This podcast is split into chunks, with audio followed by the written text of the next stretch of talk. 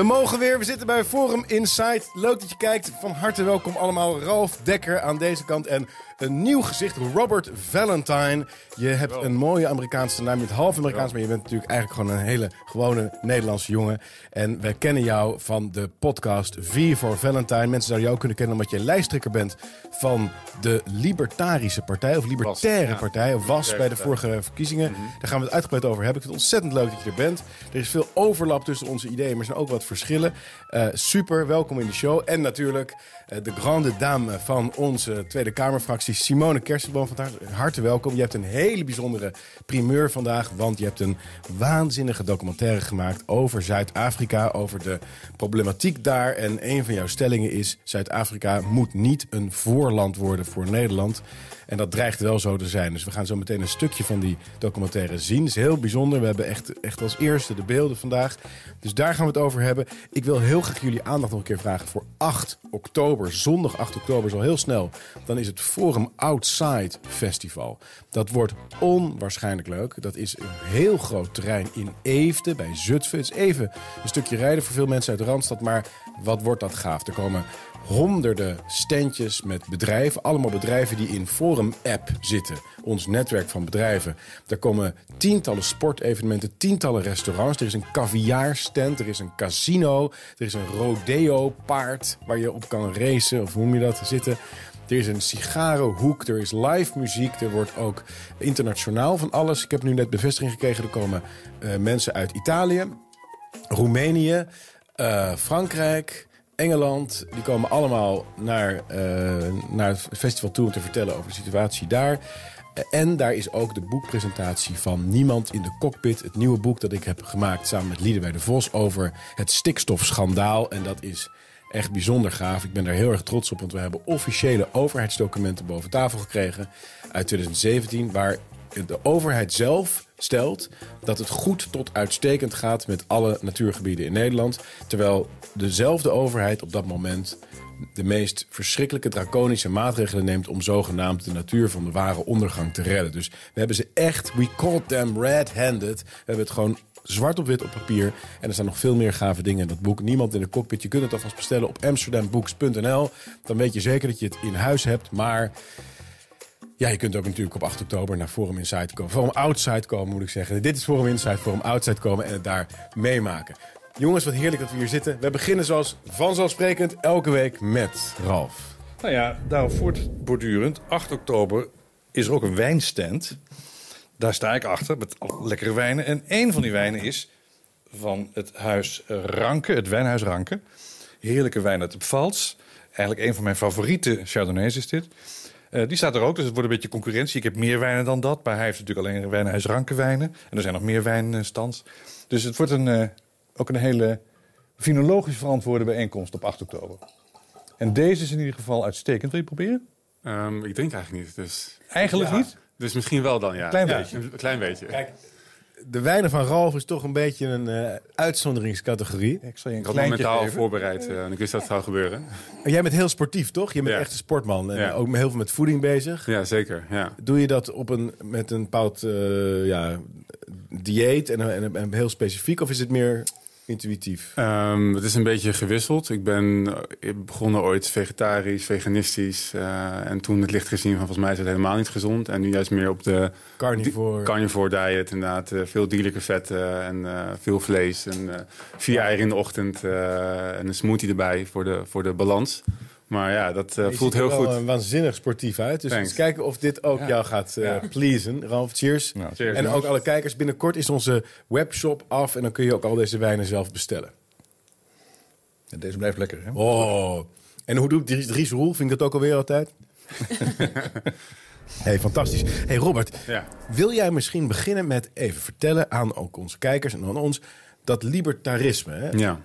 Eh, wat is het ook alweer precies? En hoe ben jij daartoe gekomen? Want je- je bent in het dagelijks leven projectontwikkelaar. Je hebt bed- bedrijfskunde, dacht ik, gestudeerd. Commerciële economie. Commerciële economie, ja, Ja. precies. Eh, en dus je hebt een, gewoon een normale baan. Maar daarnaast heb je ook die ideologische kant van dat libertarisme. Ja. Heel veel mensen denken, libertair, wat betekent dat eigenlijk? Ja, het is, ehm, het, het is eigenlijk een term die is overkomen waaien vanuit Amerika. En Amerika is liberal wordt hier nog liberaal, is zeg maar gekaapt door de linkerkant van het uh, politieke spectrum. Toen zeiden mensen, ja, dan moeten we een nieuwe term gaan bedenken voor wat wij als classically liberal zien, dus klassiek liberaal. Toen is het de term libertarisme uh, eigenlijk uh, gecoind door de libertariërs in Amerika. Ja, het, is eigenlijk gewoon het ouderwetse liberalisme wat de VVD en weinig partijen hier Nederland nog kennen. Maar dat je gewoon zegt van een kleine overheid, hoe kleiner de staat, hoe beter het gaat zo min mogelijk belastingen, um, zoveel mogelijk uh, vrijheid van regels, minder regeldruk. Dat is in essentie uh, libertarisme.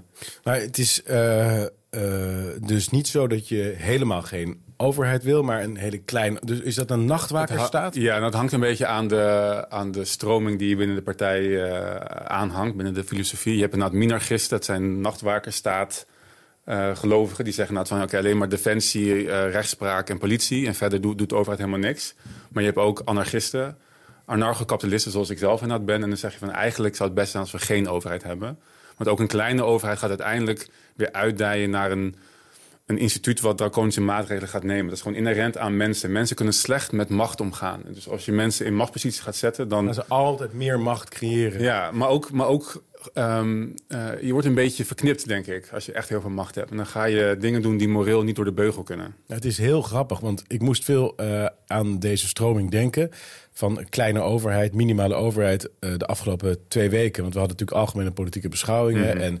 en presentaties van verkiezingsprogramma's en zo. En dan in de Kamer zie je dat al die politieke partijen, en zeker de regeringspartijen, dus ook VVD bedoel ik, hè, mm -hmm. dus ook de partijen rechts die denken eigenlijk dat ieder probleem door de staat moet worden opgelost. Ja. Dus, dus uh, ik had bijvoorbeeld een debat over volkshuisvesting en woningnood. Uh, nou, dat gaat allemaal over de woningcorporaties en over sociale huur. Dat is de, de, de, de lijn waar. En er is natuurlijk ook nog wel een beetje ruimte voor de markt, weet je wel. Marginaal, hier en daar. Maar binnen de kaders die door de staat worden gesteld, heel duidelijk.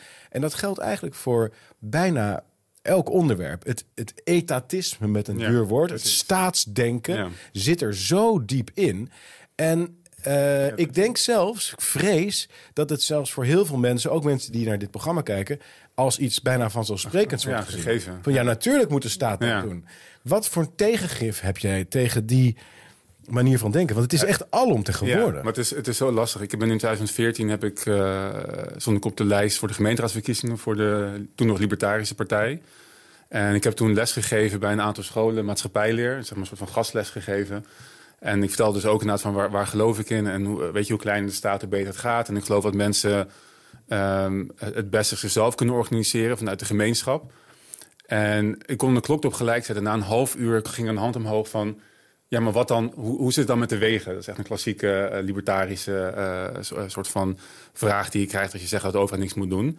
En iedereen, iedereen was zo inderdaad geënt op de overheid moet sowieso iets, iets doen. Dat is ook, als je naar de lesboeken kijkt, is dat ook een gegeven in die boeken. Van ja, sociale zekerheid of onderwijs, dat is gewoon iets wat vanuit de overheid geregeld moet worden. En dat wordt vanaf jongs af aan nou ingegeven. Dus ja, wat goed is als um, um, op het onderwijs, op, weet niet, op jullie scholen, zeg maar, dat dat wordt betwist. Dat de overheid niet per se uh, belangrijke maatschappelijke thema's hoeft te regelen in onze samenleving. Maar het, is, ja, het wordt vanaf jongs af aan al ingegeven. Dus dat is. Ik denk dat uh, media en uh, beter onderwijs, dat dat een goed begin is. Maar ook, ook, zo is, is dat er wordt nu het gedaan, bijvoorbeeld door de SP ja. in de Kamer, wat, wat ik meemaak alsof wij nu in een super ja. uh, vrije markt, vrije wereld leven. Oh, ze, ja. ze, noemen dat neoliberaal. Dat ja. is zo'n soort, soort scheldwoord bijna. Mm -hmm. Al die neoliberale marktwerking overal. En dan denk ik, wacht even. De staat heeft uh, meer dan 40% van het hele bruto nationaal product. Dus alles wat wij met z'n, met z'n allen verdienen in Nederland. 40% daarvan uh, gaat naar de staat. Ja. Ja, het is, Nederland of is komt van de staat, maar is van de staat. Ja, maar Nederland is er extreem goed in. Dus zeg maar iets uh, liberaal laten lijken. maar dan zeg maar achterkant gewoon communistisch hebben dichtgetimmerd. Net zoals de hele discussie over uh, de zorgverzekeringswet. Zeg maar, we hebben, vroeger was het beter. Vroeger had je zeg maar staats, uh, een staatsverzekering, het, het, ziekenfonds en particulier. En heel veel mensen die verwijzen naar dat het, zeg maar, dat, het, dat, dat beter is. En nu alles aan de vrije markt is gegeven dat het slechter is. Maar het is we hebben in 2008 hebben we niet een liberalisatie gezien, maar juist een nationalisatie van onze zorgverzekeringswet. Want Vroeger was particulier gewoon particulier. En je kon gewoon bepalen wat jij erin deed, wie je verzekerde. En je had een vrije markt. Je hebt vrij keuze van aanbod, vrije, uh, uh, ja, vrije keuze van product. Dus je hoeft niet per se je te verzekeren. En nu moet je jezelf verzekeren. Nu bepaalt de overheid de, de leveranciers, wat er wordt geleverd, wie de consumenten zijn. Dat is gewoon communisme. Dus het is tegenovergestelde van, van een vrije markt. Maar omdat het dus via een BV gaat, denkt men het is, het is vrije markt. Ja, zo werkt het niet. Goed voorbeeld, ja. De NS, is, de NS is ook... De NS is ook gewoon een staatsbedrijf. Het is gewoon een verlenging van de overheid. Dat het NV is, dat doet er niet toe. Wie, is in, wie heeft de aandelen of wie bepaalt zeg maar, de regels van een bedrijf? Daar gaat het om. Ja, ja het is um, ook heel moeilijk voor mensen om zich te realiseren... dat de staat dingen niet goed kan. Ja. Um, ik merk dat bijvoorbeeld bij... Uh, nu bij de, dat woondebat wat ik deed... dan vertel je van ja, in de Sovjet-Unie... moesten mensen 25 jaar op een huis wachten. Ja. Dat, dat had een reden. Dat was ook omdat er geen markt was. Er was geen incentive voor projectontwikkelaars of wat dan ook om een huis. Terwijl in een, in meer vrije samenleving is er meer aanbod. Dan kun je geld verdienen met iets. En hoe meer je gaat regelen, hoe meer je ook weer nieuwe regels nodig hebt. Dus het is een soort. Maar het is heel moeilijk voor mensen om dat, om dat te zien. Ik denk echt dat de neiging om communist, richting communisme te gaan, richting meer staat, die is zo sterk. Ja. Jij, jij bent natuurlijk uh, eigenlijk een beetje een kapitalistische sector geweest, namelijk de bankenwereld. Maar ook daar is volgens mij dat, dat, dat staatsdenken heel dominant. Toch? Ja, daar, ik kom er toevallig net vandaan. En ik had de een heel, Rabobank. ja, ik had een heel debat over obesitas. Waar komt het nou vandaan? En, en dan beginnen meerdere mensen aan tafel meteen over die suikertax. Dat Ja. zou goed zijn om het suiker eh, wat, wat zwaarder te belasten. Want eh, ja, ja eh, mensen moeten gewoon gebracht worden naar kleinere porties en eh, minder suiker. En eh, gewoon als, als staat moet je dat gaan organiseren. Ja, geen vlees meer. Nou ja, veel minder, weet je wel. En dan zeg ik, ja, maar je kunt alles wat leuk is, kun je gaan, eh, gaan belasten natuurlijk. Maar eh, is er niet iets anders te, te verzinnen? Maar dan wordt dan De zo... verantwoordelijkheid van de overheid überhaupt. Nou ja, precies. Maar dan wordt er zo gedacht aan... wij moeten dit beheersen. Hoe gaan we dit nou beheersen? Het is een soort kudde die je onder controle moet brengen. Weet je dat? Zo wordt er gekeken naar de samenleving. Met de beste bedoelingen, zou ik maar zeggen. Maar wel, eh, vrijheid is dan gewoon een restvariabele. Hè? Dat, is, dat is niet echt essentieel. Ja, maar dat is het, hè? Ja, maar Dat is Vrijheid. natuurlijk ook, precies, maar dat is ook heel interessant. Want ik eh, had onlangs ook een gesprek met een Afrikaner. Die waren aan het klagen hoe ineffectief en inefficiënt de overheid in Zuid-Afrika is. Maar het geeft hen wel heel veel vrijheid om zichzelf te gaan organiseren. En dat doen de Afrikaners heel goed. Ik zei, maar kijk naar Nederland. We hebben een hele effectieve overheid. Of ze Ja. efficiënt zijn, ja, dat weet ik niet. Maar elke aspect van het leven in Nederland... daar zitten de tentakels van de overheid in. Ja, dan heb ik toch soms misschien liever die vrijheid... Ja, je gaat heel anders kijken naar.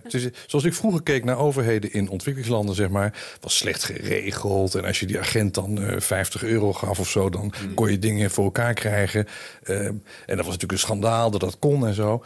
En nu denk ik, ja, ik weet eigenlijk niet. Dat, dat geeft je wel veel meer bewegingsvrijheid. Natuurlijk deugt het apparaat dan als apparaat misschien niet in efficiëntie, maar moet je dat willen? Je wil juist dat je maximaal vrij bent Ja. en dat de- je zo min mogelijk in de weg wordt gelegd. Maar de, de, de, de diepste filosofische verdediging van het libertarisme, volgens mij gaf jij net dat je zei: de mens kan toch eigenlijk slecht met macht omgaan. Ja. Want het, het, de denkfout die al deze etatisten maken, al die planners, is dat je eh, voldoende kennis hebt over de preferenties van mensen, wat mensen willen, op een centraal niveau. Dat je precies kan inschatten hoeveel schoenen en wat voor schoenen mensen willen hebben. Dan gaan we die schoenen centraal maken. Eh, Terwijl de, de hoeveelheid kennis die in de samenleving decentraal aanwezig is. Jij weet misschien iets over schoenen wat Ralf niet weet en wat ik niet. En iedereen gaat een beetje schoenen maken. En iedereen, dat lijkt op papier ogenschijnlijk heel inefficiënt. Maar het is dus het, het gekke is dat het, het is dus een, echt een paradox volgens mij. Het is op het eerste gezicht zou je denken we gaan het centraal regelen, want dat is efficiënter. En dat lijkt ook efficiënter op papier, maar in de, in de werkelijkheid is dat niet zo, omdat het, omdat het nooit lukt om het goed te organiseren. Nee, Is mensen- dat, klopt dat? Nou ja, ik denk mensen hebben zeg maar geen, eh, geen glazen bol. Dus je weet van tevoren niet wat werkt. Dus je kan van tevoren ook niet eh, bepalen waar je in investeert zeg maar, om te ontwikkelen. Maar wat je wilt hebben is een concurrentie, zo'n grootst mogelijke concurrentie van ideeën. Zodat het beste idee overblijft. En het is eigenlijk inefficiënt inderdaad. Want je zou zeggen, ja, je kiest één idee, Daar zet je al je kapitaal op en dat ga je dan vervolgens ehm, eh, ehm, verder ontwikkelen. Ja, dat is ehm, financieel gezien misschien het meest effectief. Alleen je weet niet of dat idee waar jij op gokt, of dat ook het juiste idee is wat werkt of voor iedereen werkt. En vaak werkt niet één idee voor iedereen. Dan moet je sowieso daarom niet één, één zorgverzekering of wat dan ook vastleggen voor, voor iedereen. Moet iedereen gewoon zelf kunnen bepalen. Maar het gaat om die concurrentie van ideeën. Dat je gewoon de vrije markt vrijlaat, zodat het beste idee uiteindelijk wat, wat men dus kiest met hun geld. Want dat is, het, dat is hoe dat dan werkt, zeg maar. Ja. Je hebt, dus je hebt, ehm, en dat is ook, je hebt heel vaak zeg maar mensen die zich die ageren tegen grote bedrijven die heel rijk zijn geworden. Maar dat is wel door vrijwilligheid, omdat ze een product hebben eh, geboden wat heel veel mensen willen hebben. En Nou ja, daar is nog, dat is nog een tweede, denk ik, eh, vijand van het libertarisme. Van het vrijheidsdenken. En dat is corporatisme. Ja. En dat is natuurlijk iets wat we nu. We hebben, er zijn heel veel bedrijven die worden super, super rijk. Bijvoorbeeld Pfizer vind ik een goed voorbeeld. Ja.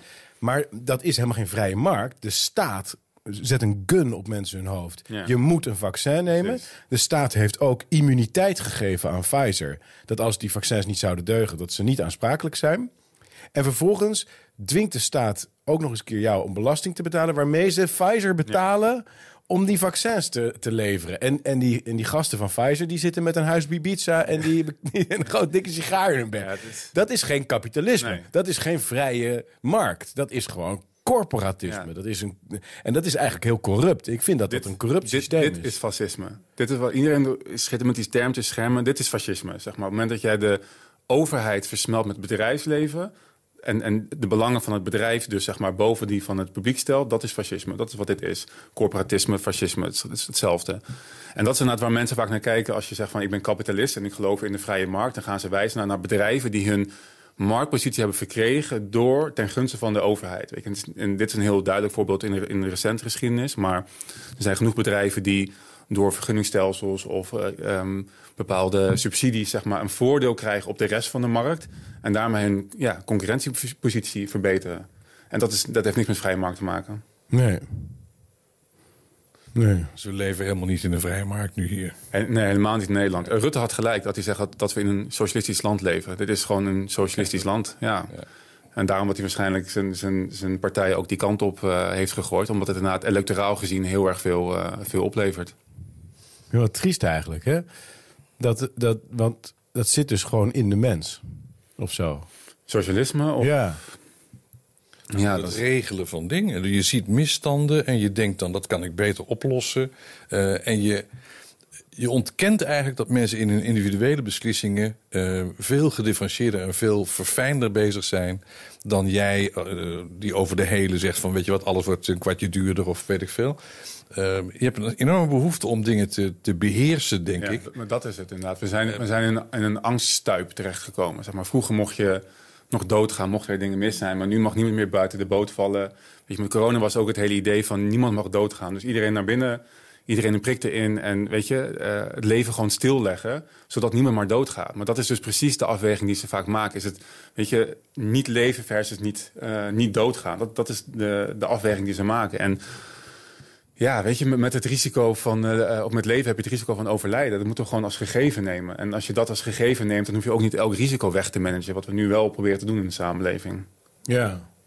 Ja, ik zit te denken wat we kunnen gebruiken als voorbeeld. Dat mensen snappen eh, hoe je dan ook meer rijkdom kan genereren. Want ik geloof dat eh, het, het systeem wat we nu hebben... met hele hoge belastingen, extreem veel regels... dat leidt ertoe dat er veel armoede is. En vervolgens moet de overheid daar weer voor gaan zorgen. Bijvoorbeeld door het minimumloon te verhogen. Is dat een voorbeeld dat je zou kunnen uitwerken? Bijvoorbeeld het voorbeeld van het minimumloon. En we hebben best wel lage koopkracht in Nederland. Ja. Er is heel veel inflatie geweest. Veel mensen vinden het leven echt duur. En de, boodschappen duur, energierekening is hoog. En dan is, klinkt er zo'n roep om verhoging van het minimumloon. Ja. Hoe zou je daar als libertariër op reageren?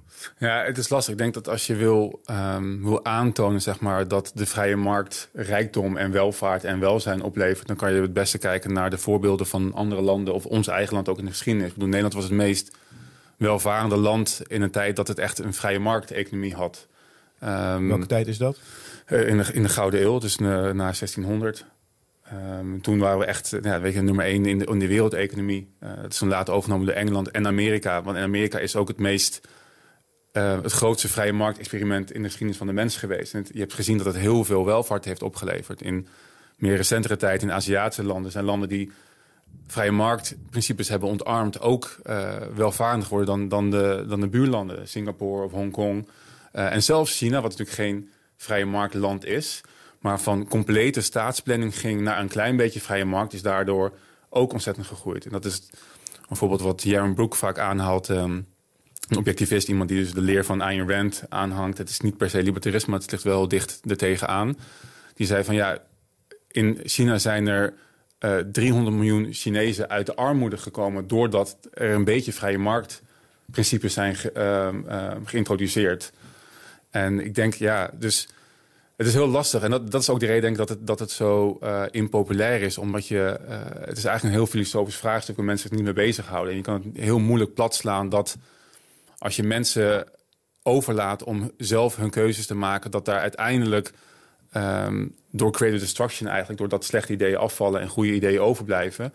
ja, um, het beste idee overblijft en dus ook de beste producten in de samenleving blijven staan... en ook het goedkoopst. En dat, ja, het is, het is een heel compleet uh, filosofisch denkkaart... wat je denk niet heel makkelijk pad kan slaan... Uh. En daarom, daarom is ook, ben ik gestopt met politiek. Want ik denk van ja, het, ik, je hebt, kan het toch niet uitleggen. Je kan het toch niet uitleggen. ja. Dit is het, ik, ik heb zoveel discussies gehad inderdaad. En dan mensen die inderdaad, ik ben ook voor natie uitgemaakt. En weet ik veel allemaal, omdat je niet gelooft in, in de overheid die moet ingrijpen voor zielige mensen, zeg maar. Weet je. En ik dacht van ja, dit, uh, dit werkt niet. Ik, ik, ik, uh, ik, hoe zeg het? I don't envy you, wat dat betreft, uh, in de Kamer. Hey, het, is, in toch, het is toch wel groot in de Verenigde Staten. Ron Paul is toch een typische uh, voorbeeld ja, van, van de, denk ik. Ja, ja de kleine, piepkleine opa goed. Uh, en Ron Paul was een serieus presidentskandidaat een aantal jaar geleden. Ja, zo een aantal jaar geleden. Twaalf, geloof ik. Ja. Ja. ja, die had ook best een aanhang. Hè? Dat was toch serieus. Ja, hij was ook echt kans hebben om de kandidaat voor de Republikeinse Partij te worden. En toen hebben ze dus ook de regels voor die conventie aangepast... om hem een beetje buiten de boot te houden. Wat grappig was, want daardoor uh, konden ze Trump later niet buiten de boot uh, houden... Um, die had, die, um, was daar, er was in zijn tijd geen concurrentie die voldeed aan de eisen om te kunnen nomineren op de, op de conventies. Dat was, dat was dan weer een soort van sweet uh, payback. Maar Ron Paul is inderdaad heel populair en sowieso, als ik naar Amerika ga, naar mijn familie ook, zeg maar. Mijn familie, wat dus ja, democraten zijn, Afro-Amerikanen stemmen vaak uh, democratisch. Als ik dan mijn principes uitleg, dan, dan het, het, makes sense heel snel. Zeg maar. Ze snappen gewoon, ja, de overheid moet niet heel veel doen. Je moet mensen gewoon een beetje vrij laten. Dus in Amerika is ik denk dat democraten misschien wel rechtser zijn dan de VVD hier in Nederland. Dus het is inderdaad een land, het zit veel meer die kant op. Hmm. Maar Ron Paul is nog steeds een hele invloedrijke vent. Hè? Mm de, zijn zoon Rand Paul is natuurlijk wat bekender ja. inmiddels. Maar hij heeft nog steeds podcasts en dingen. Hij heeft, heeft best groot. Ja, ja zeker. Ja. Ja, leuk. Uh, ja, dat hebben we hier niet. Ja, ik zat nog even te kouwen op dat minimumloonpunt. Ja. Maar uh, uh, ik denk namelijk wel dat het mogelijk moet zijn uh, om het op, op, op, heel concrete voorbeelden. Dus bijvoorbeeld het minimumloon uh, zou je kunnen zeggen. Um, op het moment dat je dat gaat verhogen, dan kunnen bedrijven minder mensen aannemen. En mm -hmm. dan hebben dus minder mensen een baan. Mm -hmm. Terwijl als je die mensen in het arbeidsproces betrekt, dan hebben ze de kans om vervolgens op te stijgen of zo in die. Maar ik, ik vind het wel moeilijk. Ik vind het wel een heel. Dat is met huren, dus de huurdersbescherming. Dat is iets waar libertariërs tegen zijn. Mm -hmm. um, maar ja, je, natuurlijk wel heel, er zijn wel heel veel schrijnende voorbeelden. En ja. dan zeggen de libertariërs: ja, maar dan gaan, moet die persoon maar uh, ergens anders gaan wonen. Of ergens anders. Dus, maar het veronderstelt wel heel veel zelfredzaamheid ja. bij heel veel mensen. Klopt. En dat is denk ik de reden waarom het toch een beetje een uh, kleine en je zei ook filosofisch geïnteresseerde groep vaak is die dit. Die, die, want heel veel mensen zijn natuurlijk best afwachtend. Ja. En passief. En je kunt wel hopen dat dat vermindert en verandert. Dat mensen meer hè, autonoom worden, zelfredzaam. in een meer vrij soort samenleving. Maar ik denk ook dat er toch ook wel een groep mensen zal zijn die buiten de boot gaat vallen. Mm -hmm. En dat moet je misschien gewoon accepteren hoor. Je kan ja. zeggen, nou, dat is, een, dat is de prijs die we willen betalen voor vrijheid. Fijn, dat is. Nou ja, dat. dat maar je hebt wel een dilemma volgens mij, toch? En als je zegt ook, ja, Gouden Eeuw, vroeger. Je had natuurlijk wel heel veel georganiseerde religie in de eerste plaats. Wat niet echt ja. mensen enorm stimuleerde om vrij te zijn, maar een heel groot. En ten tweede had je natuurlijk toch een aantal families die in feite een vrij corporatistisch mm. systeem hadden. Ik Ja. denk niet dat de familie Six en de familie, eh, wat had je nog meer? Dat die nou echt, eh Schimmelpenninck en een aantal van die adellijke families, dat die nou heel graag andere concurrenten een, een kans gaven. Nee, die klopt. hadden de schutterij en dit en dat. Het gaat toch om, om een denkrichting. Alleen al Nee, het- oké, maar de- is de- het zo dat, dat, dat er vrije markt überhaupt ooit heeft bestaan? Heel- Ja, daar kan je over twisten. Maar ik vind vandaag de dag is het al revolutionair om te zeggen... ehm, het is misschien een goed idee om hier helemaal geen regels voor te maken. Ja. Of om regels af te schaffen. Hè, de, de gedachte van voor iedere nieuwe regel moeten er twee verdwijnen. hè, Dat, Ja. dat is een typische libertarische gedachte. Ja. Niet dat je zegt, van, laten we alle regels opheffen... en beginnen met een wit vel papier. Dat is helemaal niet aan de orde. Want dat kan gewoon helemaal niet. Maar die manier van denken... eh, er wordt nog steeds gekeken van wie is nou het meest succesvolle Kamerlid? Wat is de meest succesvolle partij in de Kamer? Dat is de partij die het meeste wetsvoorstellen heeft ingediend. Het meeste dit, het meeste dat. Ja. Eh, en dan zeg je, ja, maar staat het meest vergroot heeft. Ja, Precies. Als je nou eens gewoon niks doet. Hè? Als je de bestaande wet eens uitvoert bijvoorbeeld. Of er een aantal afschaft. Ja. Nou, dat, daar wordt helemaal geen, geen prijskaartje aangehangen. In de zin van, daar krijg je prijzen voor. Eh, want dat, dan ben je slecht bezig. Dat doe je, dat doe je te weinig. Hè? Ja. Dus alleen al dat denken is al, wat mij betreft, een, een, een hele belangrijke afslag die je zou moeten nemen. Van laten we eens wat minder regels eh, stellen. En voor sommige dingen die misschien niet helemaal goed gaan, toch geen regels stellen. Dat, dat is waar. En ik, en ik realiseer dat ik aan het drammen ben, maar ik ga toch nog even door. Ja, maar dat was een goed punt wat je zei over, zeg maar, dus er gaan mensen buiten de boot vallen. Dat is inderdaad een gegeven. En ik denk ook dat het een, eh, dat we ons moeten beseffen dat er geen perfecte samenleving bestaat. Dus er gaat, er gaat altijd gaan er mensen buiten de boot vallen. En de vraag is ook, als die mensen buiten de boot vallen, wie moet dat dan oplossen? Je had net over na de, de kerken of de, eh, de instituties die je vroeger zeg maar, misschien wat meer had dan nu. Die hadden ook een rol erin. Kerken Ja. deden aan sociale zekerheid. En dat, Precies. daar is niks mis mee. Het gaat erom dat je geen opgelegde so- sociale zekerheid wil hebben. Geen, en eigenlijk geen gedwongen solidariteit wil hebben. Want dat werkt gewoon niet. En ik denk ook als je kijkt naar... En waarom werkt dat gewoon niet? Wat werkt er gewoon niet aan? Nou ja, omdat het een heel, zeg maar, we hebben hele abstracte, onmenselijke instituties opgericht om andere mensen te helpen. Die krijgen een uitkering en het is heel onpersoonlijk. Terwijl als jij bent aangewezen op jouw gemeenschap, weet je, die gaan je ook aanspreken op, op wangedrag. Zeg maar. er, is een, er is directere feedback in, in de dingen die je doet eh, en wat het, dat zeg maar, teweeg brengt in jouw omgeving. En als jij gewoon een, van een vreemde zeg maar, een blanco check krijgt, dat, dat werkt toch anders. Ik denk dat we, ik denk dat we het meer lo decentraal, lokaal moeten organiseren. Ehm, en ik- ja, en, en ik denk dat niet, want als je kijkt naar dienst, dat is dat gaat. Ja, het is zo, het is zo onpersoonlijk en zo onmenselijk. eh, ik, als je kijkt naar Zijn wij, toeslagen. nou tegen- zijn wij nou sceptisch over de staat, Ralf? Omdat wij in algemene zin tegen de staat zijn. Hè? Omdat wij algemene zin voor minimale staat zijn. Of zijn wij sceptisch over de staat omdat het bevolkt wordt door linkse mensen die oikofoob zijn? Want, en ik vind dat, ik, dat is nou echt een gewetensvraag voor conservatieven, denk ik. En het is ook iets waar ik, waar ik gewoon in eerlijkheid mee worstel. Ik ben jarenlang zeer gegrepen geweest door het anarcho-kapitalisme. Ik heb ook al die boeken van Lysander Spooner gelezen en Frédéric Bastiat en Murray Rothbard. En ik was een, en van Hayek natuurlijk en Ludwig van Mises. en Al die mensen. Ik, ik, eh, ik heb het altijd ook filosofisch extreem elegant gevonden. Heel elegante politieke filosofie. Maar ik vind Parijs ook heel mooi. En Parijs steekt vol met allemaal kleine bakkertjes. En die kleine bakkertjes die kunnen bestaan... omdat Parijs gewoon een wet heeft... dat er geen supermarkten in de stadscentrum mogen. Heb je gewoon niet. Moet je gewoon met de auto helemaal de stad uit. Dan kom je bij zo'n zo'n mega hypermarché en zo... buiten de stad. Maar in de stad hebben... en je hebt, op elke straathoek heb je een café. En dat komt, en waar je kan lun- lunchen... dat komt omdat alle werknemers van Frankrijk, dus via CAO-onderhandelingen afgesproken, die krijgen voedselbonnetjes. Waarmee ze 20% korting krijgen op een lunchmenuutje en dit, ja, dat. Dat is extreem etatistisch. De Franse staat is gigantisch. Een soort ruimteschip dat boven het land hangt en alles regelt. En je kunt zeggen, oké, ja, Frankrijk gaat nu ook wel heel slecht mee. Ja, dus dus de- aan de andere kant, de- het heeft wel heel lang best wel heel goed misschien wel gefunctioneerd. Je hebt hele goede TGV, snel, hoge snelheidslijnen. In, in het Verenigd Koninkrijk hebben ze de, de spoorrails eh, vrijgegeven. Nou, het openbaar vervoer in het Verenigd Koninkrijk is een disaster. Dus al- als we ons nou voorstellen dat er wat, wat competentere mensen in de politiek zaten, zoals je dat vroeger wel had, en die ook gewoon meer conservatieve waarden vertegenwoordigden. Zouden we dan nog steeds zo sceptisch zijn? Misschien moet ik die vraag eerder aan Ralf stellen dan en aan Simone stellen dan aan jou. Want jij, jou, jij bent natuurlijk gewoon een principieel, wat ook leuk is. En ik mag je graag en ik vind het leuk dat we van elkaar, met elkaar discussiëren. En het is helemaal niet vijandig bedoeld hoor, maar Nee, zeker meer eh, Nee. friendly Nee, het is- discussion. Maar hoe, ja, eh, hoe zien jullie dat? De Europese Unie. Ik ben heel erg tegen de Europese Unie. Maar stel nou is dat die een soort ja, Napoleon-achtige figuur daar had... die de scepter zwaaide. Was het dan ook zo slecht geweest, die Europese Unie? Als de Europese Unie opkwam voor Europa... in plaats van een extensie was van het Amerikaanse imperium... zouden we dan net zo... Nou ja, als het aan mij ligt, ik, ik vind in ieder geval dat het bestuur zo dicht mogelijk bij de mensen moet staan. Ja. Eh, dus in die zin vind ik de Europese Unie om, alleen al om die reden ongelukkig. Want Hmm. eh, er zijn veel verschillende volkeren en er is dan één Europese Unie. En dat wordt dus per definitie dan een soort abstractie op grote afstand. Dat vind ik in alle gevallen slecht. Waarom?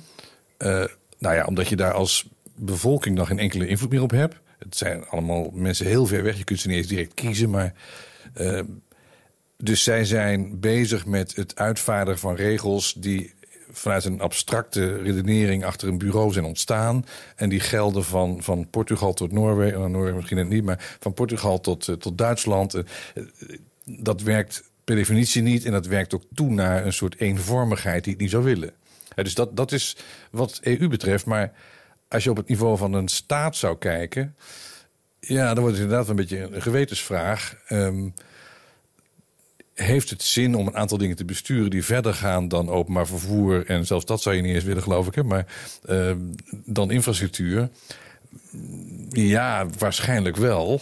Eh, want anders, als je het aan het spel der krachten over zou laten, dan krijg je misschien toch een soort gelijkschakeling en een soort ongelukkige ontwikkeling. Zoals je natuurlijk in Parijs dan ziet. Hè? Als je dat los zou laten, heb je overal hypermarchés, ook in de middel of eh, grote, grote steden.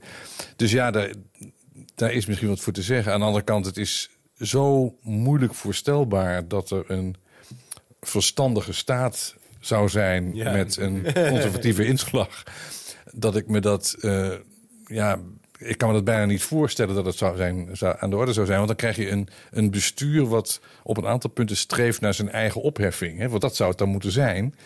En dat vereist een grootheid die ik nog nooit in politici gezien heb. Behalve bij FVD'ers. Ja, nee, precies. Maar eh, ik voel me ook geen politicus in. Dat uh, siertje, Ralf. Hey, Simone, je hebt een documentaire eh, gemaakt. Laten we een stukje kijken. Zuid-Afrika. Schaalmodel voor de wereld. Suid-Afrika word dikwels die moord en verkrachtings hoofstad van die wêreld genoem en dit blyk dat dit besig is om toe te neem. Een land van extreme corruptie, extreem geweld en extreem anti-blank racisme. En toe sien ek hierdie swart hand trek die deur oop. En, en toe is hy geskiet in my kombuis. Een land waar het globalistische multiculturele project heeft gefaald. Een land waar je een doelwit bent op basis van je huidskleur. Baie keer is dit 1000 rand of 'n paar honderd rand wat gesteel is en dan vind ons dat die slagoffers vir ure lank gemartel is. Een land van extreme schoonheid waar mijn voorouders hun gewassen hebben geplant in de vruchtbare grond, hun huizen bouwden en een nieuwe natie hebben opgericht. De Afrikaners. Een volk gecreëerd door Europa, maar gevormd door Afrika. Samen met Freek Jansen ging ik naar dit complexe land om te kijken welke lessen we kunnen leren van de Afrikaners. Dus denk je dat Zuid-Afrika in een veel verder stadium een soort voorland is voor waaruit heen kan gaan met Europa? Suid-Afrika is in soveel opzichten uh, die toekomst wat toch met Europa gaan gebeuren. We spraken met de Afrikaners die aan het begin van hun parallele samenleving staan. Met de mannen en vrouwen die zich hard maken voor het voortbestaan van hun volk in deze vijandige wereld. We vonden verhalen van hoop aan de voet van de afgrond. Van doorzettingsvermogen, ondanks alle tegenslagen, allemaal gevormd door één motto. Wij doen het zelf.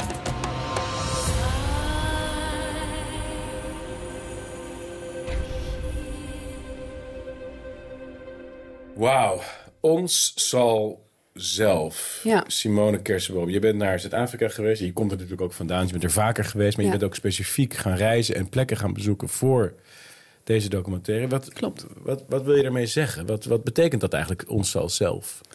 Nou, kijk, Zuid-Afrika is natuurlijk gewoon een failed state geworden na 1994. Je hebt gewoon extreme corruptie, eh, criminaliteitscijfers zijn door het dak heen, eh, werkeloosheid is het hoogste ter wereld.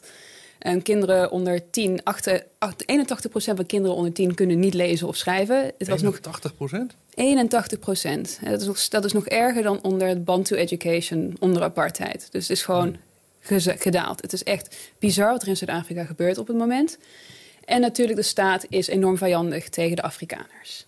En Af- Ehm, Afrikaners, voor de duidelijkheid, dat zijn dus blanke, eh, ook wel boeren worden ze genoemd. hè? De, en de boeren betekent niet dat ze altijd op Nee. een land aan, boeren zijn, Nee, maar dat klopt. is eigenlijk een volk. Het is een volk, het is eigenlijk gewoon een etnische groep. Ja. En dat zijn afstammelingen van de Nederlanders, van de Duitsers, van de Fransen, van, ja, die dus in, die in Zuid-Afrika ehm gezetteld zijn. En die worden dus Afrikaners genoemd, maar eigenlijk zijn ze oorspronkelijk meer Europeanen dan. Ze zijn Europeanen, maar ja, dat zijn, eh, die kwamen natuurlijk met de VOC naar Zuid-Afrika. En op een gegeven moment dachten ze, nou, wij hebben geen zin meer om met de VOC te, bij de VOC te werken. Wij willen graag hier blijven. En toen hebben we het Nederlands parlement besloten om ze daar te laten wonen. Dat zijn vrijburgers geworden. Ook een heel mooi woord, vrijburgers. En vanuit daar hebben ze een taal ontwikkeld. En dat hebben ze Afrikaans genoemd. En ze noemen zichzelf de Afrikaners. Ja, het is een volk van en door Afrika. En wanneer hebben we het dan over? Eh, Dit is rond eh, 1700. Ja, ja, oké. Ja. Zo. En dat Afrikaans, dat eh, spreek je geloof ik uit Afrikaans. Afrikaans. En dat is, spreek jij ook, hè? Ja, inderdaad. Ja, het is eigenlijk het is amper diezelfde als Nederlands. ja. Maar ehm, ja, en, en wat er nu dus gebeurt, die Afrikaners die zien dat de staat niet meer voor hun werkt. Het, heeft, het faalt gewoon op alle fronten. En die Afrikaners hebben gewoon besloten, we gaan het zelf doen. En dat is dat ons zal zelf. ons zal zelf gewoon mouwen opstropen. Op een of andere manier je eigen samenleving, je eigen infrastructuur, je eigen structuren, instituties weer gaan opbouwen. Want niet iedereen heeft dat misschien helder voor, voor ogen. Even de, de tijdlijn. Je hebt op een gegeven moment dit apartheid gehad. Ja, En dat kennen we allemaal van Nelson Mandela. En, klopt. eh, dat is, ehm, hij zat toen gevangen en op een gegeven moment is hij vrijgelaten. En Ja. dat was rond 1991. Ja, hij is in 91 is hij vrijgelaten. In 1992 zijn alle apartheidswetten overnacht geschrapt. En wat er toen gebeurde, en dat, dat ik denk dat heel veel mensen dat niet helder voor ogen hebben. Dat is dat de partij van hem, dat was het ANC. Dat was eigenlijk een communistische partij, een marxistische partij, heel links. Die werden ook eh, gespoord vanuit de Sovjet-Unie trouwens. Hè. Ja? Die hebben toen de macht gekregen in Afrika. Zuid-Afrika hebben we het over. En wat ze toen hebben gedaan is een diep verdeeld land waar heel veel etnisch ressentiment was. En, en, en je kunt vinden van wat je wil van het verleden, maar vanaf dat moment naar de toekomst is het een eenheidsstaat geworden. Terwijl heel veel mensen zeiden, maak er nou bijvoorbeeld een federatie van. Zoals Klopt. voormalig Joegoslavië Ja. of iets anders. Dat gebeurt vaak natuurlijk als een land verscheurd wordt door etnisch conflict. Dat je zegt, jullie krijgen dat deel, jullie krijgen het grootste deel, misschien de grootste groep mensen. Ja. En dat is niet gebeurd. Nee, en dat En daar is eigenlijk toen is eigenlijk democratie niet meer gaan functioneren. Want het meerderheidsprincipe werkt natuurlijk niet als er een numerieke meerderheid is die ook een etnisch bewustzijn heeft, die een andere etnische groep ja, eigenlijk niet tolereert. Die, Nee. die, die, hè, waar of niet, maar die zien elkaar als onderdrukkers of die zien elkaar als tegenstanders. En, en dat is eigenlijk wat zo schrijnend is: dat het Zuid-Afrika van nu meer rassenwetten heeft. Dat noemen we dan positieve discriminatie. Maar het betekent gewoon dat iemand met een eh, blanke achtergrond. Die wordt extreem gediscrimineerd. Die wordt extreem achtergesteld ten Ja. opzichte van mensen met een zwarte achtergrond. En eh, daardoor is die, is die hele samenleving gewoon. eh, Ja, ik wilde zeggen, ik wilde een woord met een V. Ver, ver- hoe zeg je dat nou? Ver- ja, ver- verrot, verrot geraakt. Het is- gewoon economisch in elkaar gestort. Onveiligheid, die verkrachtingscijfers zijn de hoogste in de wereld of iets dergelijks.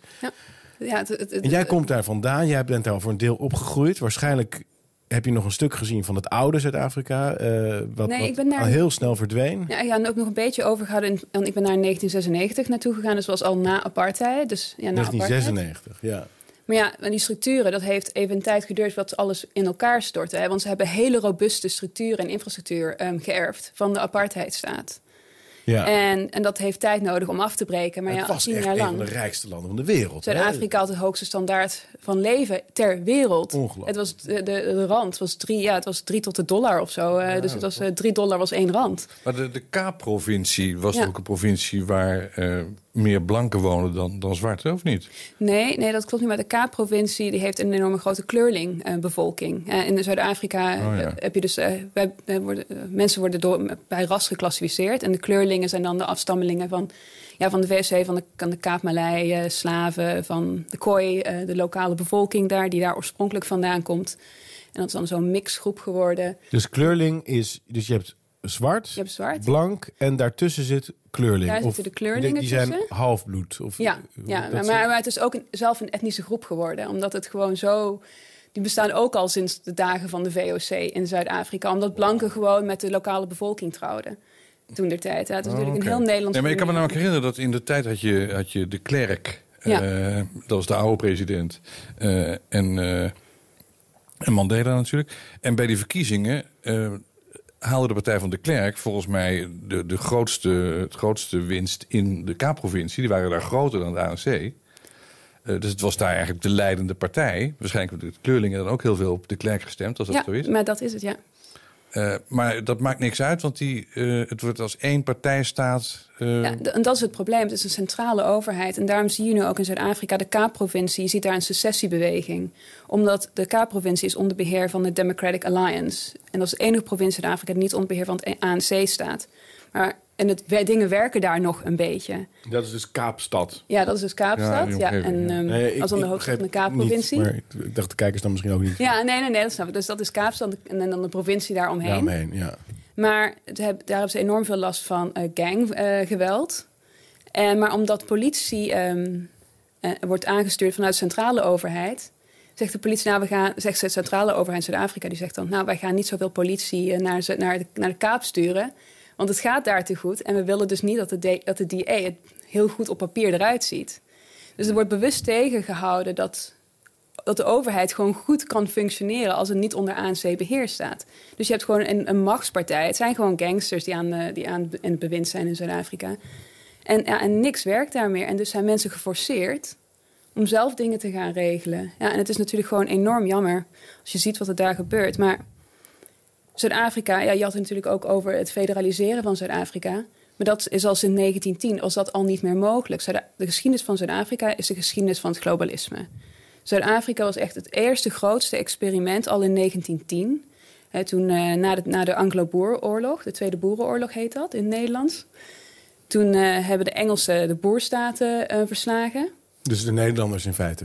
Ja, De Engelsen hebben de Nederlanders verslagen. ja, dat klopt. En toen hebben Zuid-Afrika was gewoon echt een patchwork van eh boerrepublieken, Engelse kolonie en een paar Afrikaanse ehm, kingdoms. En in 1910 hebben mensen zoals ehm, ja, daarvoor Cecil John Rhodes, de grootste Engelse imperialisten, en generaal Jan Smuts, was een boergeneraal, maar hij was een groot Winston fan. Churchill ook waarschijnlijk. Die waren er allemaal bij betrokken. De Rothschilds waren daar, de Rothschilds waren daarbij betrokken. En de grote, ja, het grote bedrijfsleven toen, de journalisten. Het was echt een secret society. En dit is ook gewoon kennis. Dit is geen complottheorie, dit is gewoon kennis. Die waren al bezig dat Zuid-Afrika één land zou moeten worden. Eh, Jan Smuts eh, was een grote denker. ze dat dan? Ja, het was gewoon het idee dat. Dat was dus een klein clubje. En zij geloofden inherent in het feit dat de hele wereld onder Britse heerschappij zou moeten komen. Want dat zou dan naar een utopie leiden. Dan, dan was iedereen had gelijk. En met het, eh, het holisme van Jan Smuts, dus dat uiteindelijk dat je naar een globale wereld zou moeten met één overheid. En natuurlijk ook de founder van de League of Nations. Dus al die dingen die waren al in Zuid-Afrika in 1910 ingeplant. Dus Zuid-Afrika zou en moet één land zijn vanuit waar dan Afrika dan helemaal veroverd zou moeten worden. een soort wil- voorbeeldland, zeg maar. ja, en uiteindelijk wilden ze ook eh, Amerika terug eh, in het Britse Koninkrijk betrekken. Ja, dus ze hadden al die ideeën daarvoor. Daar is enorm veel ehm, geld in gepompt om dat eh, idee eh, te bewerkstelligen.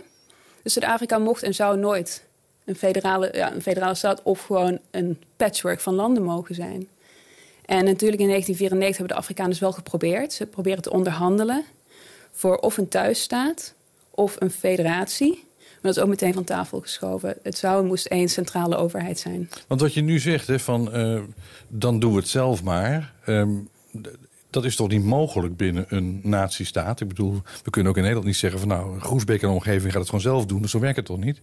Eh, Nee, maar ja, en gelukkig in Zuid-Afrika in de grondwet ehm, staat wel het recht op zelfbeschikking.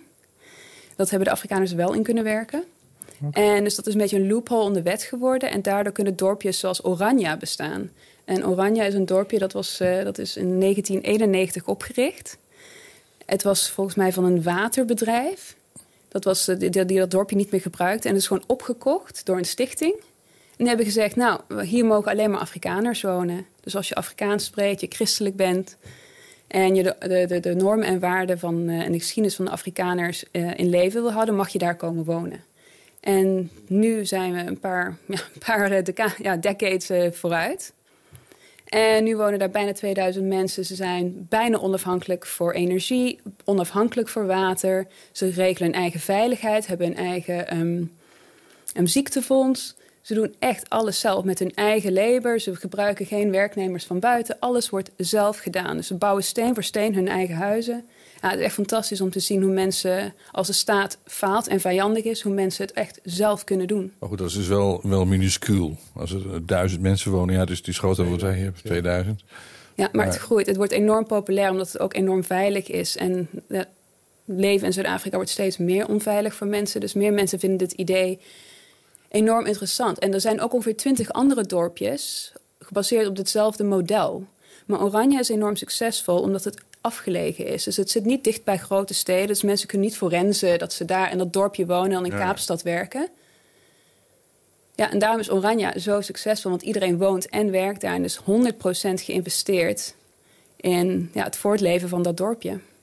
Het is, het is wel heel mooi eigenlijk de, de lijn in dit gesprek, Ja. zit ik me nu te realiseren. Want jouw stelling is eigenlijk... Nee, maar het ontstaat. Ja. Ja, wat, wat, wil jij, wat, wat dacht jij erover? Nee, ik, ik dacht ook inderdaad van dat ehm, eh, gewoon mooi ook inderdaad het zelforganiserend vermogen van die mensen. En, dat inderdaad, eh, en het hele sneuien dat als de staat faalt, dat je dan dit, dit moet doen, maar in ieder geval nog kan doen. En eh, ja, ik denk dat. ehm, ik denk ook dat dat, antwoord op je vraag van net, zeg maar, misschien wel nodig is, ook hier in Nederland, om mensen bewust te worden van dat je het beter zelf kan doen. Is dat het misschien ook wel heel erg nog moet, moet worden. Hoe, hoe harder mensen worden- geraakt, op wat voor manier dan ook, dan, ja, dan eh, door de staat gaat ervoor zorgen dat mensen uiteindelijk nou, het toch weer zelf gaan doen. eh. Ja. Maar ik, ik ken het hele verhaal niet. Ik ben, heel erg, ik ben helemaal, ik helemaal erin. eh. Ons zal zelf. Ja, dat is dus de titel van de documentaire. Hij wordt volgende week ook bij Forum Outside op 8 oktober eh, gepresenteerd. En dan gaat hij ook nog officieel in première een paar weken daarna in een bioscoop in Utrecht, als ik het wel heb. En je bent ook nog bezig om een Europese tournee te organiseren. Het Ja. komt in het Europees Parlement. We zijn in Parijs bezig, in Rome. En natuurlijk in Cape Town, in Kaapstad. Dus Ja. het wordt, je gaat echt de boer op ermee. Ja, Eh, ik ben ongelooflijk eh, trots op je dat je dit hebt Ja. afgekregen. Ons zal zelf dus. En deze, deze trailer voor mensen nog ergens terug te kijken... of echt alleen nu bij Forum Insight eh, bij deze... Nee, voorlopig is het nog helemaal Alleen, bij jullie in première. Oké, oké. Nou, we krijgen vast heel binnenkort meer nieuws. We gaan even naar de post, jongens. Even kijken.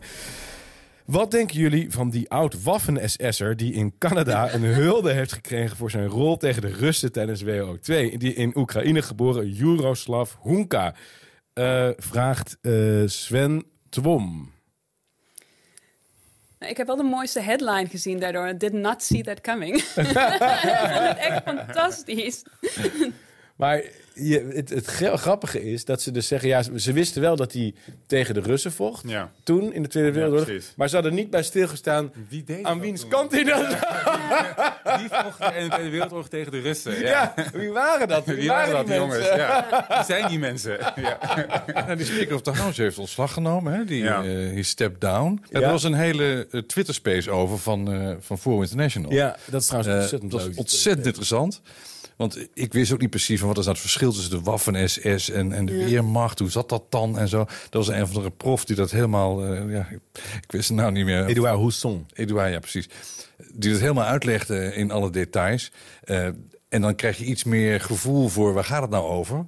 Maar het, ja, het blijft natuurlijk een ongelooflijke blamage voor de Canadese overheid. Dit. Het is zo grappig. En ik zag ook dat Wikipedia het nu het hele artikel wil eh, deleten. Als je nu naar Jaroslav Hunka gaat, of het is al weg, of er staat: This article is eh, about to be purged. Oh, purged. Oh ja? Dus eh, Maar, maar ze zijn, het is zo'n grappig, want ze zijn zo verstrikt in hun eigen clown world. Ja, dat Maar ze- is het, hè? Ze zijn zo bezig met van, oké, we moeten, kost wat het kost, moeten we Rusland gewoon bashen. Gewoon vinden, hoe kunnen we dat doen? En dan vind je gewoon een natie in de een, je bent gewoon verblind door je eigen ideologie dat je dit dan Ja, gaat gebeuren. van- dat gebeurde, dat denk ik ook. Want ja. Polen had toch ook had iets van duizend, hij had een dorpje met duizend Polen had hij uitgemoord of zo. Dus die Polen waren helemaal chagrijnig en iedereen was boos. Ja, die waren boos. Ja. Het begint echt helemaal mis te gaan. Heel grappig. Wat leuk om Liedewij zo te zien, zegt Laila Shams. We hebben samen gestudeerd aan het Utrechts Conservatorium. Dat is hartstikke leuk natuurlijk. Liedewij de Vos was hier vorige week eh, om het boek Niemand in de Cockpit te presenteren. En wij kregen wel wat eh, op onze kop, zag ik, eh, dat we toch eh, haar veel te weinig ruimte lieten. Oh ja? Jij en ik. Ja, ja, we hebben het toch. Ja, maar dit is Dus we gewoon moeten ons een beetje terughoudend opstellen. Wij zijn Probeer natuurlijk ik te doen vandaag. boze, blanke hetero's. En, ja, dat komt... Beste Thierry, Ralf en andere tafelgasten. Als actief jongere lid van de partij, al dus Fin, is Forum Insight echt ontzettend boeiend en gezellig. Dus ga zo door. Dagelijks gebruik ik het openbaar vervoer. Ik merk zelf dat het duur, inefficiënt en vaak overvol is. Veel mensen in mijn omgeving ervaren hetzelfde. Wat wil FVD met het openbaar vervoer gaan doen? Het lijkt mij zeker een interessant onderwerp voor de aflevering, aangezien er in jullie verkiezingsprogramma niet al te veel over te lezen is. Groeten van Finn. Ik vind het een topvraag. En ik vind het onwijs belangrijk dat we dit inderdaad nog even kunnen bespreken. Ons verkiezingsprogramma is 100 bladzijden. En nog steeds zijn er dus onderwerpen waarvan je zegt... ja, we hebben daar twee, drie zinnen, één alinea over. Mag nog veel meer. Dat is natuurlijk ook zo. Uh, uiteindelijk heb je zoveel onderwerpen in Nederland. Maar het is een reëel probleem. En misschien moeten we Robert eerst... Uh, wat heb je, je hebt al het een en ander over uh, openbaar vervoer gezegd... Mm -hmm. doen alsof het geprivatiseerd is. Maar ja. is het eigenlijk niet. Nee. Um, ik weet niet precies of je mij kan overtuigen dat het geprivatiseerd zou moeten worden. Maar ik begrijp niet waarom we niet veel meer treinen inzetten. Ik begrijp werkelijk niet waarom dat zo ingewikkeld is. Waarom we veel meer treinen? Niet, waarom, waarom niet meer treinen? Is, bij de spits is het overvol. Ik neem aan dat er een heel groot kostencomponent aan zit. Dat het gewoon te duur is. Ja, maar ja. Dat er meer, meer belastinggeld erheen moet gaan. Maar het is... Als je gewoon Groningen weer opengooit... Ja, dan, dat dan heb je, het scheelt heel veel inderdaad in het, uh, in het geld. Noorwegen doet dat ook uh, natuurlijk zo. Ja, dat, is, dat is zeker Die financieren hun nutsvoorzieningen. Door, door olie en, uh, en gas inderdaad, ja. ja. Um, Wij gooien ze dicht. Ja. Maar wat ook mooi is, want hier hebben we dus ook inderdaad heel weinig ruimte voor concurrentie. Ik weet dat een aantal jaar geleden is er een, ook een regel of een wet aangenomen... waardoor bijvoorbeeld Flixbus niet tussen grote steden mag rijden. Zij, wilden, zij gaan nu van, van Nederland naar andere landen rijden, heb je goedkope busreizen... En zullen dat ook zeg maar in, binnen de, de landsgrenzen van Nederland gaan doen. Maar dat mocht niet, omdat het dan inderdaad concurrentie voor het spoor zou zijn. En ik denk dat dat soort initiatieven natuurlijk al voor zorgt dat je, ja. uh, dat je nou, beter vervoer hebt. Uh, maar die, het is zo inefficiënt geregeld, die hele concessie. Want je wil... Weet je wat ook nog zo is? Kijk, door dat anti-autobeleid... Ja, precies. krijg je ook meer druk exact. op de treinen. Ja. En dat is natuurlijk een van de dingen waar dan weer niet over wordt nagedacht in exact. Den Haag. Dan gaan ze gewoon ja. autopesten en trajectcontroles en benzineprijs verhogen. Ja, ja natuurlijk is het een, ja. een waterbed-effect. Dus dan krijg je daar weer... En dan... Dus het is wel, denk ik, heel moeilijk om dit in isolement op te lossen. Je moet gewoon over de hele linie heel ander soort, uh, heel ander soort beleid voeren. Ook dat hele idee dat Amsterdam zo ontoegankelijk is voor auto's. Hè? Ik heb jarenlang hier op de gracht gewoond. Elke paar jaar wordt een stuk van die kade, van die gracht, wordt vervangen. Dat komt door het slijt en het water, weet ik wel. Maar dan zetten ze het af en dan graven ze het helemaal uit. En dan kun je dus kun je een potje voetballen in, in, in de gracht. Dat gewoon aarde en, en, en beton. En dan op een gegeven moment dan herstellen ze dat en dan gooien ze het weer vol. Maar wat je natuurlijk zou kunnen doen, is onder die gracht, daaronder een grote parkeergarage maken. En dan heb je in de loop van een periode van 20 jaar of zo, heb je uiteindelijk onder de alle grachten overal genoeg parkeerplek voor iedereen. Dan hoef je alleen nog maar van die ingangetjes te maken, zoals de Parijse metro, weet je wel. Sjoeps, ga je daarin en dan heb je de grachten weer helemaal vrij, autovrij in feite. En zo makkelijk is het. Maar dat hebben ze natuurlijk niet gedaan. En nu is dat heel moeilijk om dat alsnog te doen. Maar ja, je zou het nog, nog steeds kunnen doen. Natuurlijk. Ja, er, er liggen plannen voor. Hè? Die hebben we wel eens aan de orde ja. gehad. Uh, Eh, maar ja, dat betekent dan dat je heel anders kijkt naar, naar Amsterdam als, als stad die auto's zou kunnen verwelkomen. En daaronder kun je meerdere lagen maken van, van niet alleen parkeergelegenheid, maar ook allerlei eh, Nutsvoorzieningen. ja, ook allerlei activiteiten, allerlei eh, Sport, sportcentra. Precies, dat soort, dat soort dingen.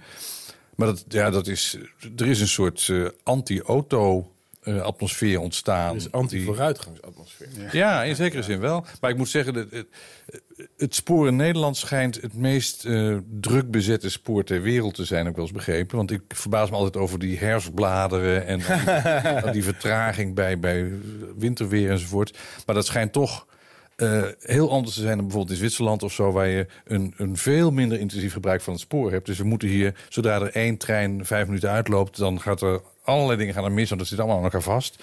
Dat heb ik wel eens laten uitleggen. Ja, het is een Dus heel is- diep probleem. Want wij hebben in ons verkiezingsprogramma bijvoorbeeld ook dat wij willen dat er hyperloops worden aangelegd. Dat, dat die technologie bestaat. De TU Delft, ik heb zelf meerdere werkbezoeken gebracht. Wij hebben die technologie in Nederland ontwikkeld. Dat is dus een manier om met een soort, mag, is bijna een soort magneetzweefbaan. En dan kun je 4, 5, 600 km per uur tot op een gegeven moment 1000, 1200 km per uur gaan. En dan ben je dus in een kwartier van Groningen in Amsterdam. Drenthe in Amsterdam, overal. En je kunt dat netwerk aanleggen. Je verplaatst Schiphol in de Noordzee. Maak je daar de grootste luchthaven ter wereld. Hyperloops daar naartoe.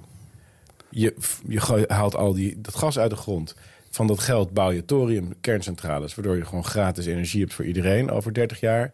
Het is allemaal, als je dus een heel ander soort benadering... Ja, maar Ralf, ik heb gelijk, wel- toch? Dan heb je wel een, een overheid nodig. Met een Ja, ik weet het. Dat mag niet van... eh, wie gaat dan de kerncentrales bouwen in een libertarische wereld? Ja, ik, ik ben blij dat je, dat je dat gas bent. Want ik zat te denken, hoeveel belastinggeld gaat dit kosten allemaal? Wat je nu al Ja, op, opzegt. Maar ongeveer 600 miljard. En dat is precies wat er in Groningen zit. En daar Ja, oké, het dat, dat, is enigszins acceptabel. En volgens mij het enige wat je nodig hebt is de Kamerleden gewoon voor een jaar lang tussen Maastricht en Den Haag met het openbaar vervoer laten reizen. En dan zullen ze jou. Oh, oh, oh. Ja, maar oh. jij bent de deskundige natuurlijk. Hè? Want ik, ik Jij- weet niet veel jij- van openbaar vervoer, maar jij wel. Jij bent zwaar chagrijnig regelmatig. Als je Ja, kwart over absoluut. zeven vast op Venray of weet Ja, ik een wat. een of ander Limburgs dorpje. En dan is er maar één kleine trein. Er staan er 500 mensen op het spoor. Ja, daar word je knettergek van.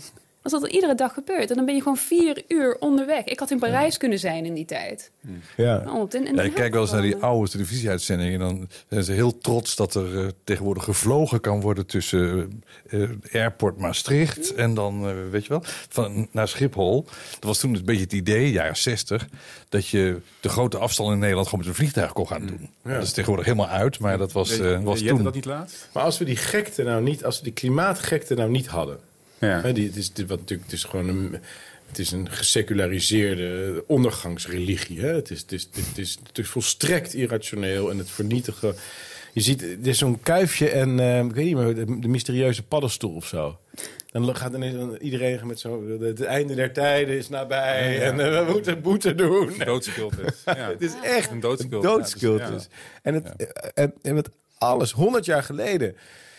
Bij die wereldtentoonstellingen en zo. En het optimisme. En alles kon. En nu is het alleen maar, hebben we van die, van die eh, pakkenverkopers eh, van Auger... die ons, eh, zoals Jerob Jette, die ons dan komen vertellen... dat het allemaal niet meer mag. Nee, maar ook ministers die heel trots een nieuwe snelweg openen. Weet je wel? Van die, van die filmbeelden, journaalbeelden uit 1965 of zo. Het is Ja. fantastisch om te zien. Ook dat enthousiaste commentaar. En dan eh, iedereen in zijn eh, Ja. Opel Kadett gaat dan vol. Geweldig om te zien. Maar ook dat idee van die, dat heb je met, mij- met die autovrije zondag. Dat is natuurlijk zo raar.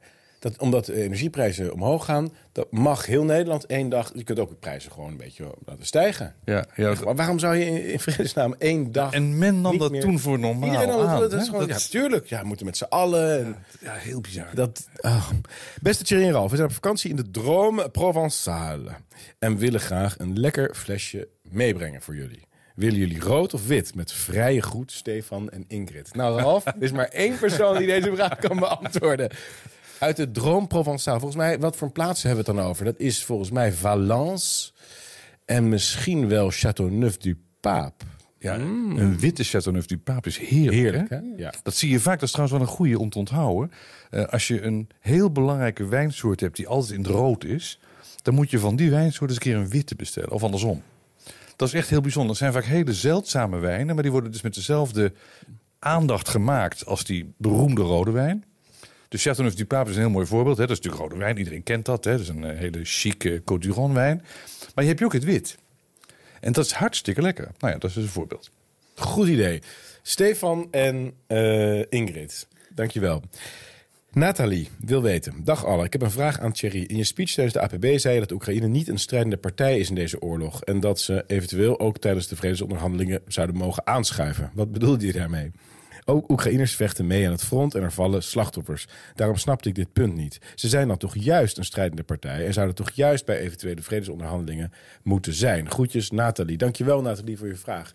Uh, wat ik daarmee bedoelde is, ik zei trouwens nauwelijks een strijdende partij, dat Oekraïne sinds 2014, maar eigenlijk al daarvoor, uh, eigenlijk een vazalstaat is van het Amerikaanse imperium. De Amerikanen hebben daar uh, meerdere staatsgrepen gepleegd. De eerste in 2004 en de tweede in 2014. En hebben vervolgens het hele netwerk dat, dat de Amerikaanse uh, machtsprojectie in de wereld uh, organiseert, namelijk de EU en de NAVO, ingezet om dat te continueren. Dus met het associatieverdrag bijvoorbeeld, waar wij tegen waren, waar we campagne voor hebben gevoerd toen met het referendum, maar ook met een toetreding tot de NAVO, met gelden, met uh, opleidingen, met militaire steun, met een heleboel dingen. Investeerders zoals uh, Amerikaanse banken en BlackRock en, en George Soros en zo. En daardoor was Oekraïne in feite een verlengstuk geworden van Amerika. En het conflict dat nu wordt uitgevochten op het grondgebied van Oekraïne, wat ik verschrikkelijk vind, en waar heel veel Oekraïners inderdaad voor, voor sterven, wat ook vreselijk is, is niet een oorlog van Rusland tegen Oekraïne als land. Het is een oorlog tussen twee hele grote machtsblokken. Namelijk aan de ene kant natuurlijk inderdaad Rusland... en aan de andere kant de NAVO, het Amerikaanse machtsblok. En ik zei het natuurlijk een beetje provocatief en een beetje gekscherend... Uh, maar ik denk wel dat in essentie dat het klopt. Dat Oekraïne... Uh, ik denk ook dat Zelensky uh, gewoon aan de kant geschoven wordt hij wordt nu natuurlijk overal op het... Uh... Ja, niet zo sterk meer als vroeger, hè? En dat is nu aan het veranderen. Hij dat is al aan het veranderen. Ja. Maar, maar dat zou ze... Ze kunnen... Hij is disposable. Ze kunnen hem gewoon... En dan komt er een andere Pieper de Clown. En dat is natuurlijk wel hoe het, hoe het systeem werkt. Dan is hij eerst nu zijn held. En dan straks dan uh, corruptie, dit en dat. Dingen naar buiten gekomen. We zijn diep geschokt, bla, bla, bla, bla, bla. En dan gaan ze hun straatje weer schoonvegen. Dan ligt het aan Zelensky dat ze de oorlog hebben verloren. Nee, maar goed, het, het, is ook het verschil tussen, de, tussen Oekraïne als staat en de Oekraïners. Ja, wel degelijk een volk zijn. Sterker nog, dus, ja, ja, ja. die gaan bij honderdduizenden uh, uh, worden die geslachtofferd. Ja.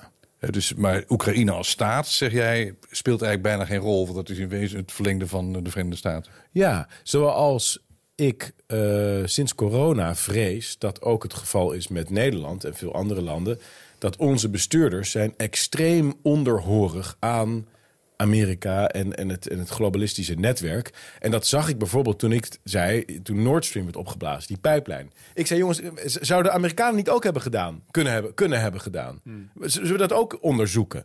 En Rutte zei, ik moet naar huis, naar bed gaan, ik wil ik allemaal niet meer horen, hou op. En dat geldt voor heel veel dingen. Dat het een soort slaafse houding is. En het gekke is, en dat kom ik altijd weer bij, bij onze vriend Ralf uit Jij komt uit een tijd dat er nog zoiets bestond als linkse oppositie tegen Amerikaans Mm. militarisme. Bijvoorbeeld in de Vietnamoorlog. En nu staat datzelfde links voorop te juichen dat er F-16's naar Oekraïne gaan. Mm. Hoe kan dat? Ja, het, het, Amerikaans imperialisme was gewoon een van de, van de gevleugelde kreten uit de, de linkse vleugel. Ja. ja. En nu zeggen wij het. En nu zeggen wij Ze het. noemen als- ons extreem rechts, wat trouwens onzin is. Maar Ja, het is heel bizar. Het is inderdaad. eh, ik kom uit de traditie van eh, ja, de Partij van de Arbeid en dan nog wat meer links was dan PSP. Ja, ik dan, eh, had ik dan wat, wat eh, sympathie voor. Dat voor mijn. Ik mocht nog niet stemmen toen ook, was 17, 18.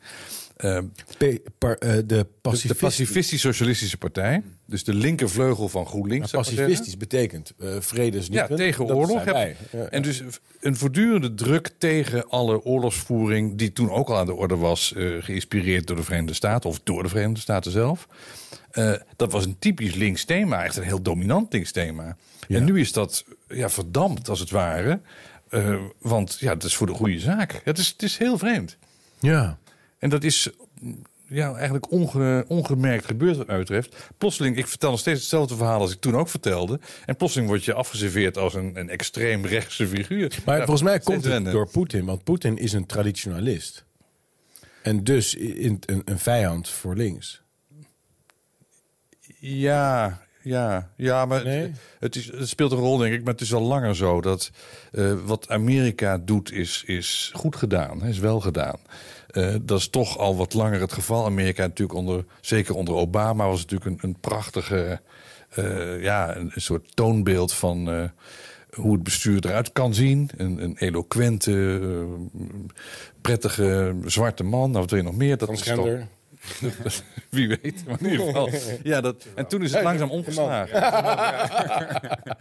Big Mike.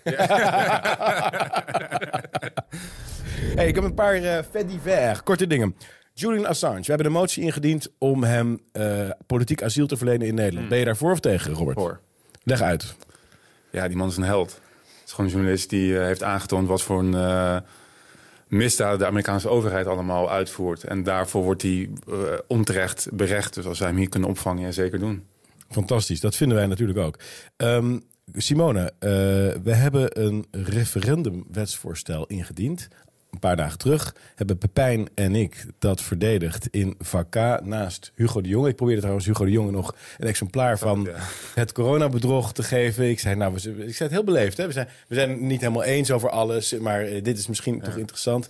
Hij smeet het boek zo, over de tafel, eh, verschrikkelijke dingen. En ik zei, hoe weet je nou dat er verschrikkelijke dingen is? Heb je het gelezen? Nee, ik heb het, natuurlijk heb ik niet gelezen. En toen peende hij zo weg.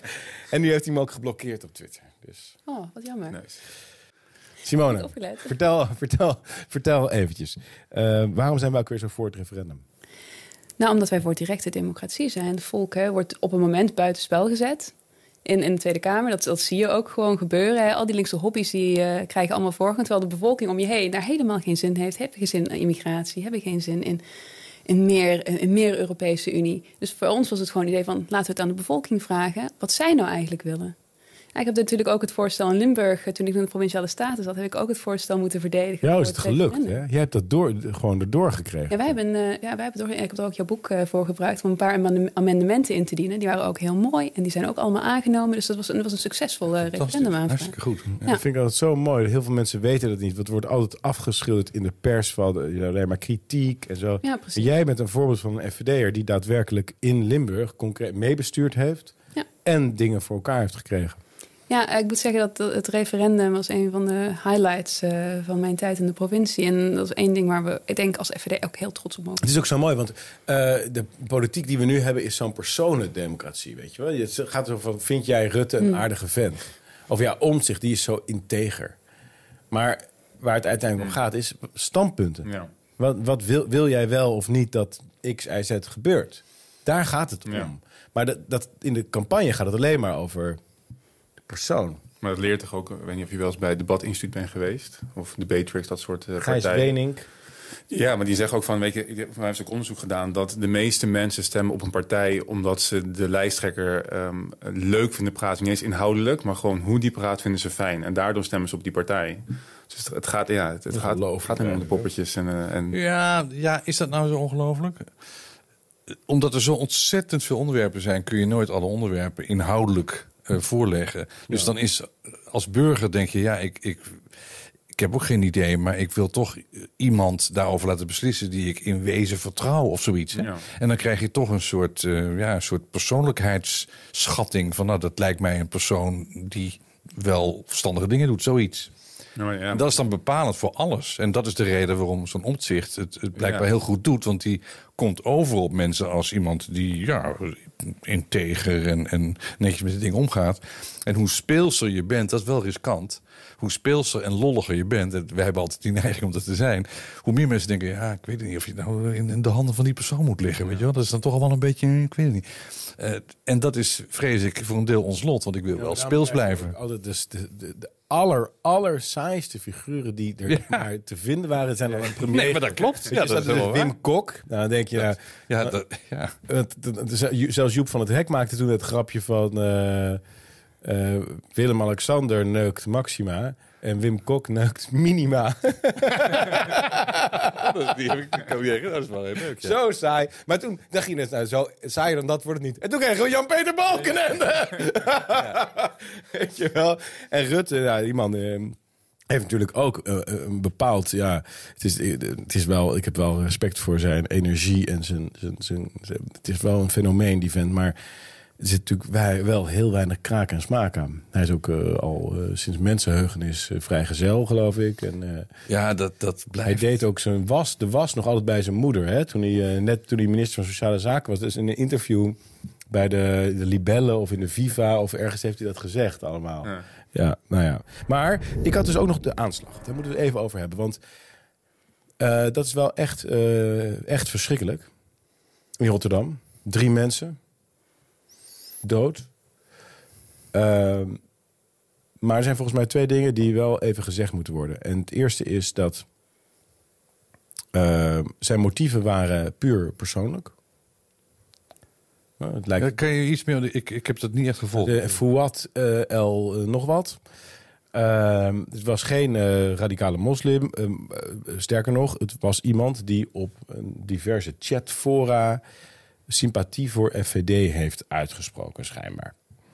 Ik weet niet hoe ze dat allemaal kunnen verifiëren. Of hij ook echt daadwerkelijk degene was die dat, die, die dat heeft, die die positieve eh, FVD-dingen heeft gezegd. Maar eh, dat wordt nu overal in de media gebracht. En dat is natuurlijk, ja, het is wel heel vervelend, want dat gebruiken ze natuurlijk om een, indruk te wekken dat, dat er op een of andere manier een link is. Dus Harm Ede Botje, dat is zo'n zo'n FVD-hatende journalist, die heeft ook een buitengewoon lastelijk boek over mij geschreven. Uh, mijn meningen zijn feiten, heet dat met een hele boze foto van mij op de cover. En die man die is, die is werkelijk, die zit zich de hele dag op te vreten omdat ik besta. Maar eh, die zei, ja, dit krijg je als je jarenlang haat zaait. Krijg je dit. En dat werd overgenomen vervolgens door diverse andere eh, journalisten van linkse signatuur. Wat een pleonasme is, want alle journalisten in Nederland zijn bijna van linkse signatuur. Maar die, die zien dan echt zo'n gelegenheid. Dus toen, toen Volkert van der G, die een GroenLinkser was... een politiek gemotiveerde moord pleegde op Fortuin... ging de media zich te buiten om duidelijk te maken... dat dat toch echt niet die twee met elkaar kan koppelen. Maar nu is er dus een vent die kennelijk ooit een forum positief geluid heeft laten horen ergens op een, een ander chatforum. En dan wordt dat aan elkaar gelinkt. Maar ten eerste is natuurlijk überhaupt die link is, slaat nergens op, want wij roepen niet op tot geweld. Wij zijn tegen elke vorm van geweld. Wij zijn voor uh, democratische politiek enzovoort. Dus niemand kan op basis van wat wij zeggen uh, zich legitimeren om iets te doen. Maar ten tweede, dit was helemaal geen politieke actie. Het was, het, was een familie, een burenruzie. Was een buurvrouw. Ja, dat je kunt ook zeggen, ja, ja deze FVD'er die uh, heeft met zijn auto tegen een paaltje gereden. Ja, dus geeft FVD de schuld. Het slaat nergens op. Nee, maar het is natuurlijk een Hij heeft hele... bij de Albert Heijn zijn boodschappen gedaan. Geeft Albert Heijn de schuld. Het slaat nergens op. Het is gewoon geen correlatie, het is geen causaliteit. Nee, maar het is natuurlijk heel laag om op zo'n tragedie dit soort politiek te willen bedrijven. Ja, dat vind ik het meest verschrikkelijk hieraan. Er zijn mensen die gewoon dood zijn. En om Ja. dan op daar op de bouw dan zeggen, nou we gaan hier iets van politiek eh, van maken. De verkiezingen komen eraan. Laten we FVD zwart Ja, maken. maar dat ik, nee, maar dat vind voelt, ik. voel, ik, ik vind dat echt verschrikkelijk. We moeten dit gewoon geen aandacht geven. Dus If they is zo go absurd. low, we go high. Nou ja, dit, ik vind dit, dit, ja. Ik heb het helemaal niet gelezen, dus ik heb het helemaal gemist. Ja, ik wist wel dat er een, een, een schietpartij of zoiets, of iets dergelijks was in Rotterdam met een paar doden. Dat is erg genoeg. Ja. Maar ik, deze achtergrond kende ik niet. Maar ja, dit is zo ver gezocht. Dit hoef je verder toch. eh, Nee, nou, ik ben het ermee eens, maar ik wilde toch eventjes niet onbenoemd. En het allerlaatste wat ik nog zelf heb, maar we gaan nog eventjes kijken of jullie nog dingen hebben natuurlijk. Maar dat is die gendermotie. Hebben jullie dat gezien? Dus wij hebben, wist jij Robert, dat kinderen vanaf 11 jaar in Nederland hormoontherapie kunnen Ja, krijgen? dat heb ik wel gezien deze. Injecties. Ja. En wat er gebeurt, en ik, want ik heb hier een beetje onderzoek naar gedaan. Als een, zeker bij meisjes, maar ook bij jongens. Als die puberteit inzet, en ik herinner me dat eigenlijk ook nog wel van mezelf, als ik heel diep graaf naar de vroege jeugd. niet zo lang geleden, toch? Ja, heel lang geleden al. Bijna net zo lang als jou. Dan, het is toch best wel raar. Je lichaam verandert en, en je, die stem die verandert, wat, wat ik onprettig vond. Eh, ik was een tijdje, kon niet zo goed praten. Weet je wel. Ja, ja, Weet je, een baard in de keel. Weet je Ja, wel. ja, ja, en ja. puistjes krijg je, jeugdpuistjes. En je eerste zaaddoos. En dan denk je, jee, wat is dit nou? Viezigheid. En voor vrouwen is het natuurlijk ook zo. eh, Ongesteldheid, borsten. Dan denk je, ik wil helemaal geen borst. Ik wil, ik wil hutten kunnen bouwen of zo.